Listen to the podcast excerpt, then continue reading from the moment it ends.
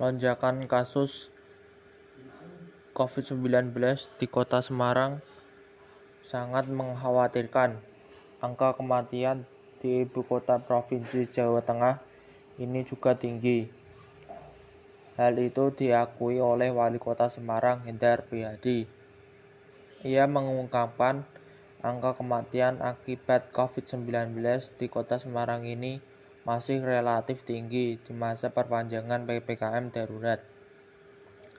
Angka kematian akibat COVID-19 masih sekitar 6,2 persen, masih di atas rata-rata nasional yang ditetapkan maksimal 5 persen, kata Wali Kota di Semarang dilansir dari antara Rabu 21 Juli 2021. Meski demikian, rata-rata harian angka kematian akibat COVID-19 mengalami penurunan sejak pemberlakuan PPKM pada 3 hingga 20 Juli 2021. Jumlah tersebut menurut dia saat ini sudah turun menjadi 271 orang per hari.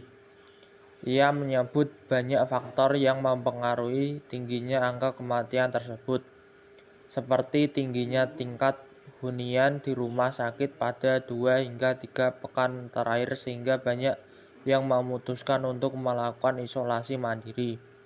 Selain itu, terdapat pula keterbatasan saat proses perjalanan ke tempat-tempat karantina. Ia juga menyebut pemahaman masyarakat yang tentang kesehatan juga menjadi salah satu penyebab. Pemahaman tentang kesehatan kurang, kapan saatnya harus memeriksakan diri ke fasilitas kesehatan kurang disadari, katanya.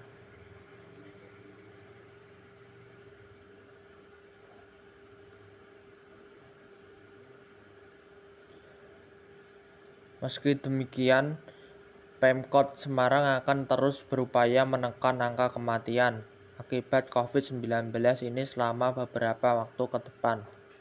Berdasarkan data dari siagacorona.semarangkota.co.id, saat ini pasien COVID-19 yang dirawat mencapai 2043 orang, sementara yang meninggal dunia mencapai 5.338.